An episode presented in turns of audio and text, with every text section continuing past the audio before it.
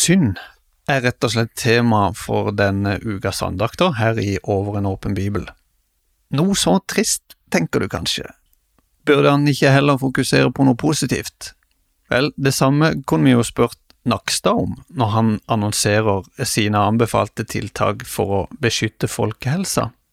Dersom synd faktisk hadde vært et fysisk virus, så tror jeg at sånn som samfunnet har blitt, at Nakstad fra Helsedirektoratet og Camilla Stoltenberg fra Folkehelseinstituttet kunne tatt i bruk ord som krise og pandemi. La meg til å begynne med å understreke at de, de andaktene her først og fremst taler til oss som er kristne. Skulle du høre på som ikke har tatt imot Jesus som din frelser, så må du invitere ham inn her og nå. Les for eksempel Johannes evangeliet, be oppriktig, det er ikke noe Jesus heller vil enn å komme inn i ditt liv. Du kan eh, også søke opp norea.no, og du kan ringe inn og snakke med noen der. Så til temaet vårt. Synd er jo ikke et fysisk virus. Det er snarere et åndelig virus. Det er smittsomt, og det har en veldig høy grad av dødelighet. 100% faktisk. Bare i Jesu blod finnes vaksinen. Vi kan ikke forvente at verden ser og advarer oss mot det her. Men vent nå litt, hvor er den åndelige ledelsen i våre menigheter? Hvor er stemmene som varsler, som våger å være upopulære? Har de gått under jorda? De fleste pastorer liker best å snakke om kjærligheten, nåden, tilgivelsen, eller det vi kan kalle for vaksiner, om vi skal holde oss i denne metaforen. Men problemet blir at folk vet snart ikke lenger hvorfor de skal vaksineres mot synd. De registrerer at våre samfunnsproblem blir større og verre dag for dag, men de skjønner ikke hvorfor. Så lenge de ikke kjenner til syndens effekt. Forvirringa øker, identitetskrise er mer vanlig enn uvanlig, folk vet snart ikke lenger forskjell på opp og ned, rett og galt, eller på høyre og venstre, som Gud uttrykker det. Overfor Jonah så sier han, skulle ikke jeg ha medynk med Ninive, den store byen, hvor det er mer enn tolv ganger 10 000 mennesker som ikke vet forskjell på høyre og venstre? Hva var bakgrunnen? La meg fortelle historia om det som må være historiens største vekkelse. Noen mener at historien om Jonah kun er en allegori eller en lignelse, men til det vil jeg for min del si at du må ha en god porsjon mistillit til Bibelen for å mene det her. Vi vet at Jonah var en ekte person. Han var sønn av Amitai, og Bibelen utgir historien for å være ekte. Det er ekte byer her, og det er ekte mennesker. Jesus bekrefter dessuten òg at historien er sann. Han snakker om Jonategnet som et forbilde på at hans sjel skulle være tre dager i jorda, og ikke minst så sier han at Jonah var et tegn for folk i Ninive. Herren hadde kalt Jonah til å dra til Ninive, hovedstaden i Asyria, for å forkynne omvendelse. Byen lå i det som er dagens Irak, omtrent der som Mosul ligger i dag. Ninive var på Jonah-tid en av verdens største byer, en skikkelig metropol. Vi kan sammenligne den med dagens New York, med Moskva i Russland eller med Shanghai i Kina.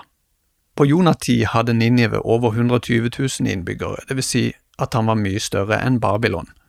Kong Sankerib hadde bygga sitt enorme palass.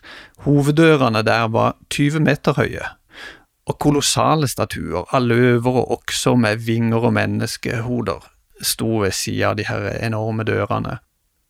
Jeg har sjøl sett de her enorme statuene, de står i dag utstilt på Britisk museum i London. Vel verd et besøk der. Vi kjenner historien. Jonah var først ulydig mot Guds kall. Han var feig, han eh, ville rømme til Tarsis, som lå i stikk motsatt retning av Ninive. Men Herren sendte en kraftig vind. Jonah ble slukt av en stor fisk, og han ble spytta opp på land. Tror du ikke på det, at en mann kan overleve tre dager i en fisk? Ingenting er umulig for Gud. Men om han var død, så er det kanskje bare et enda sterkere bilde, med tanke på Jesus som sammenligner dette Jonategnet med at han sjøl skulle være død og ligge i grava. Men Gud er mektig til å bevare Jonah levende i fisken, om det var det, og han er òg mektig til å vekke Jonah ifra de døde. Det betyr egentlig ikke så veldig mye om han var levende eller død i fisken. Jonah ble til slutt lydig mot Guds kall. Han dro til Ninive, og han forkynte den kommende ødeleggelsen. Og jeg ser han for meg sånn som han er avbilda i vår barnebibel, med tang og tare hengende rundt halsen. Ja, uansett åssen han så ut, så må han gitt inntrykk av å være prega av dette oppholdet i fisken. Kanskje òg ryktet gikk foran han, og bidro til at folk tok han på alvor. Da trodde folk i Ninive på Gud, står det, de onde menneskene som ikke visste forskjell på høyre og venstre ifølge Gud, de kledde seg i sekk og aske, både små og store. Enorme mengder mennesker ble frelst, og Gud sparte byen. Jeg sa det i går, og jeg gjentar det i dag. Jeg etterlyser pastorer og kristne ledere som tør å snakke om det her, som tør å være upopulære i ei tid der alt og alle forventer nærmest å bli tatt på med silkehansker. Jonah var et tegn for folk i Ninive, den store byen full av avgudsdyrkelse og synd. På samme måte så tror jeg Gud kaller deg og meg til å være tegn for mennesker i vår samtid.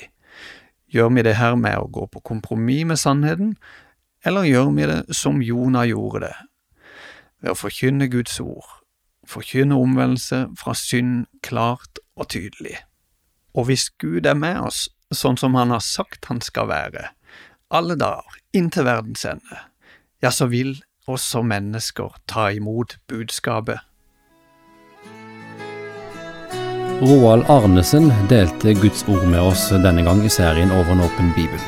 Den produseres av Norea Mediemisjon. Du finner vårt rikholdige arkiv av andakter på norea.no.